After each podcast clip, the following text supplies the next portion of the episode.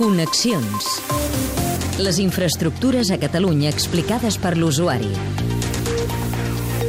Amb Joan Garcia. Línia ferroviària costanera Tarragona-Cambrils, 675.000 viatgers l'any. L'entrada en servei del corredor mediterrani amb el tram de doble via Vandellós a Tarragona comportarà desmantellar les vies de tren de la línia de la costa entre Cambrils, Salou i PortAventura.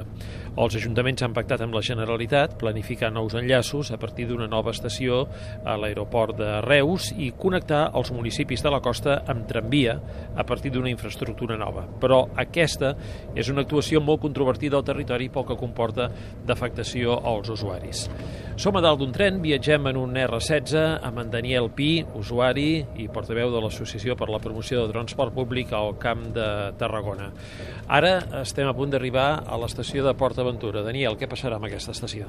Doncs que aquesta estació aquí quedarà tallada la via. Aquest això serà un cul de sac. Un cul de sac vol dir pocs trens, poc freqüents, no directes a Barcelona, i el que és pitjor, el que farem ara, el que farem d'aquí una mica, que és anar cap a Salou i cap a Cambrils, i tenir una estació al mig del poble, es perdrà, i això és una gran pèrdua per aquestes poblacions.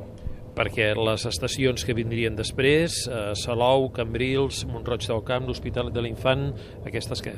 Salou es queda sense estació, així de cru. Cambrils tindrà una nova estació, és cert, però aquesta estació estarà més lluny, estarà allunyada de lo que és el nucli de la costa, i a més a més també es perden circulacions en direcció a Tarragona. Són vies a Salou, a Cambrils, que travessen els municipis. Potser molta gent eh, pot veure que es treguin les vies eh, com al final d'un perill i la supressió d'una barrera arquitectònica.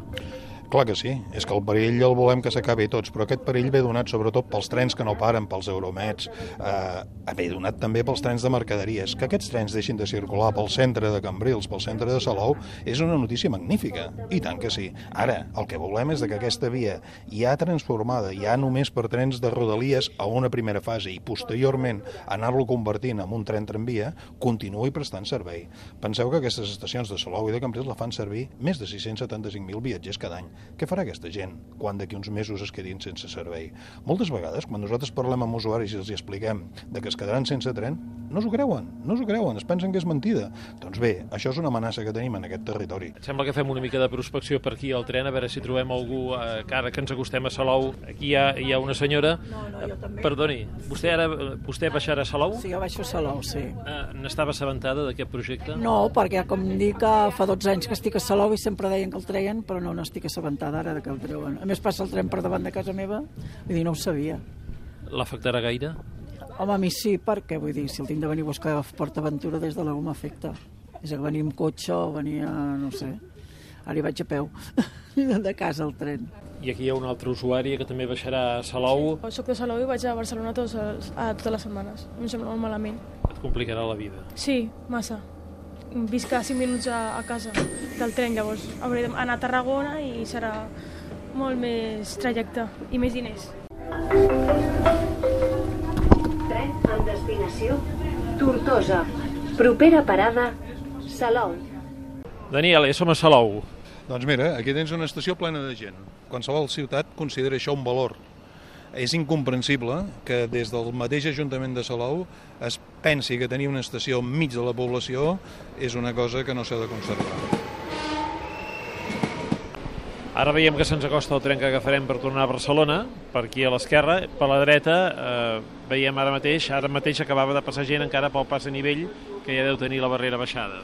Aquest és la, la, el, el, fet de que les barreres baixen molt abans de que el tren arribi, per un tema de seguretat, perquè hi ha trens que no paren. Quan tots els trens parin aquí, immediatament aquest temps de baixada de les barreres pot ser molt menor o fins i tot podem anar cap a una regulació semafòrica. Fixem-nos, per exemple, que a la Diagonal no hi ha barreres. El tramvia passa per un semàfor i és absolutament curós amb els vianants. I això és una mica el que hauríem de fer aquí aquests monstres, com el que està passant ara, doncs no han de circular, sinó que aquí passarien uns vehicles molt adaptats a la nostra realitat. Ara aquest és un talgo, eh? Sí, això és un talgo, i hem d'anar al número 15. D'on ve aquest talgo? Em sembla que de Múrcia. En el nou projecte es presenta l'estació eh, que s'anomena Intermodal a l'aeroport de Reus com una peça clau per revitalitzar aquesta infraestructura de l'aeroport. Com ho veus? A nosaltres aquestes estacions deslligades del tren convencional eh, no ens agraden gaire i d'alguna forma fem notar que és una excepció, és a dir, en tot el corredor del Mediterrani no hi ha cap estació, només hi haurà aquesta, en què no coincideixi l'alta velocitat amb el tren convencional, amb el tren de cada dia. No? Per nosaltres el que caldria és que els trens de velocitat alta regionals, que és el 80% dels usuaris, poguessin entrar a les estacions urbanes de Tarragona, de Reus, de Vilaseca, i de totes les poblacions. I això és factible, senzillament fent un enllaç a l'altura d'Altafulla i del Gaià. Aquesta seria la nostra proposta.